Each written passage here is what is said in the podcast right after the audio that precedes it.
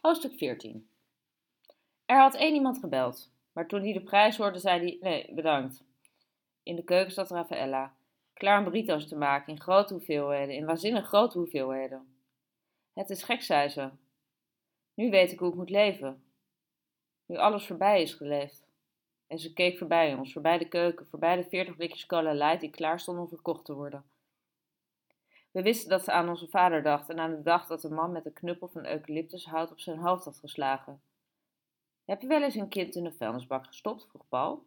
Een hele grote vuilniszak en begraven onder allemaal etensresten?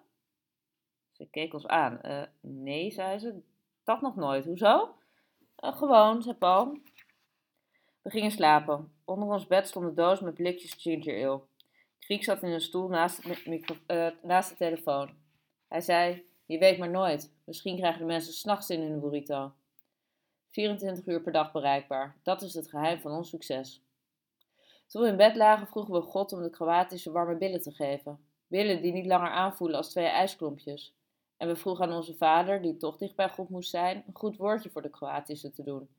Iemand moet toch een goed woordje voor haar doen en voor het kind dat onder etensresten was begraven. Vroeg in de ochtend stonden we op. Ewald Kriek was in slaap gevallen naast de telefoon. We trokken onze kleren aan. Rafaela had nauwelijks kunnen slapen. Ze zat alweer klaar in de keuken.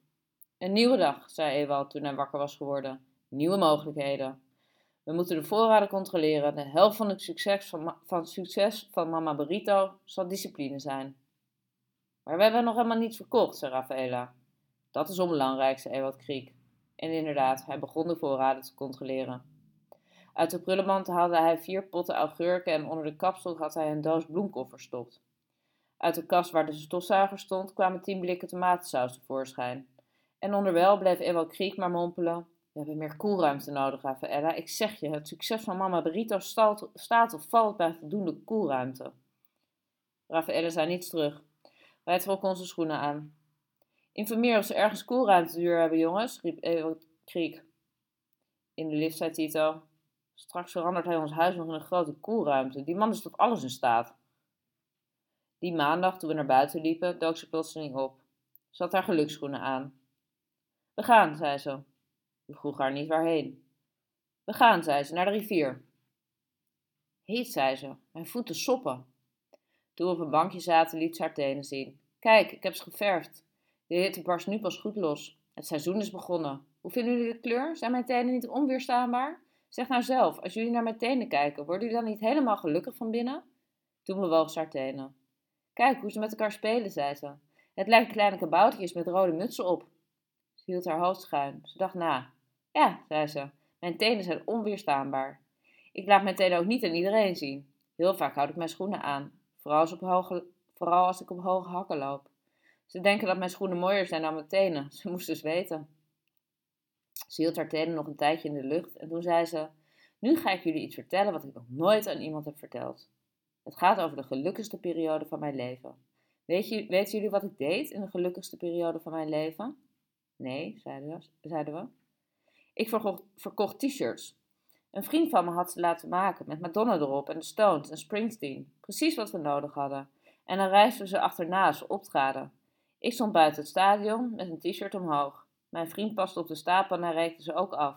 Soms waren er mensen die t-shirts zo uit je handen rukten. Maar daarop had mijn vriend gerekend en dan ging hij ze achterna met een hamer. Onze t-shirts waren veel goedkoper dan de t-shirts die je in het stadion kon kopen, dus we kochten er heel veel. Het was een zware tijd, want de ene dag stonden we in LA en de volgende dag in Seattle. Vaak gingen de sterren met de vliegtuig en dan moesten wij erachteraan met de auto. Toen het seizoen afgelopen was, hadden we behoorlijk wat verdiend. We gingen naar Florida. We huurden een Ford Mustang met open dak. De stoelen waren rood, zo rood als de zon s'avonds laat, zo rood als een rijpe aardbei. We gingen van motel naar motel. De kamers waren niet duur. We aten op ons balkon en keken uit over de zee. We zeiden niet veel tegen elkaar, want hij was niet zo'n prater. Maar ik voelde dat hij van me hield, ook al zei hij dat nooit. Ik voelde het. Hij hoefde het niet te zeggen. Ons geld raakte op. Altijd dat shitgeld. Op een avond hebben we, hebben ze hem gepakt. Hij was met eten en sigaretten halen. Hij reed haar hard en toen hielden ze hem aan. In het begin zocht ik hem op, zo vaak als het mocht. Het heeft dertig jaar gekregen, kun je dat voorstellen? Ik ben nog niet eens dertig. Eerst nam ik, me, nam ik me voor op hem te wachten. Maar hoe wacht je dertig jaar? Hij schreef me dat ik niet op hem moest wachten, dat hij niets om me gaf, dat ik een van de velen was en nog niet eens de beste.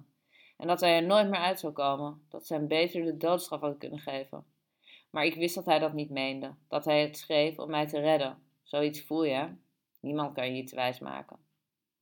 Maar na twee maanden begreep ik hoe lang dertig jaar was. Ik wilde alleen nog maar naar buiten, de regen in, zodat de regen mijn tranen zou uitwissen. En toen had ik een droom. Een droom dat we elkaar weer zagen in onze kamer in het motel. Kamer 304. Dat was onze laatste kamer. Kamer 304. En daar waren we weer. Ik zag de stoelen waarop we hadden gezeten en die we op het balkon hadden gezet. En het koelkastje en het koffieapparaat. En toen begreep ik het. Het was, een, het was een voorspellende droom. Het ging over een volgend leven. Ik begreep dat we elkaar in het leven hierna zouden tegenkomen en gelukkig zouden zijn. En toen hield ik op met wachten. Dit leven was niet, niet voor gemaakt. Begrijp je? Ons leven moest nog komen. Iedereen heeft minstens één leven dat voor hem gemaakt is. En wij waren in het verkeerde leven elkaar tegengekomen. Daarom konden we niet gelukkig zijn, omdat het niet voor ons was gemaakt. Toen ik dat besefte, werd ik heel rustig en ik helde niet meer. 304 is mijn geluksnummer. Onthoud dat maar, want als je het omdraait, heb je mijn verjaardag. Zo, nu weten jullie alles over de gelukkigste periode uit mijn leven. Die was zo gelukkig dat jullie het niet kunnen voorstellen. En in het volgende leven word ik nog veel gelukkiger. Soms denk ik wel, begon het volgende leven maar alvast. Ik er, kan er bijna niet op wachten. Maar ja, dan zou ik jullie niet meer zien, hè?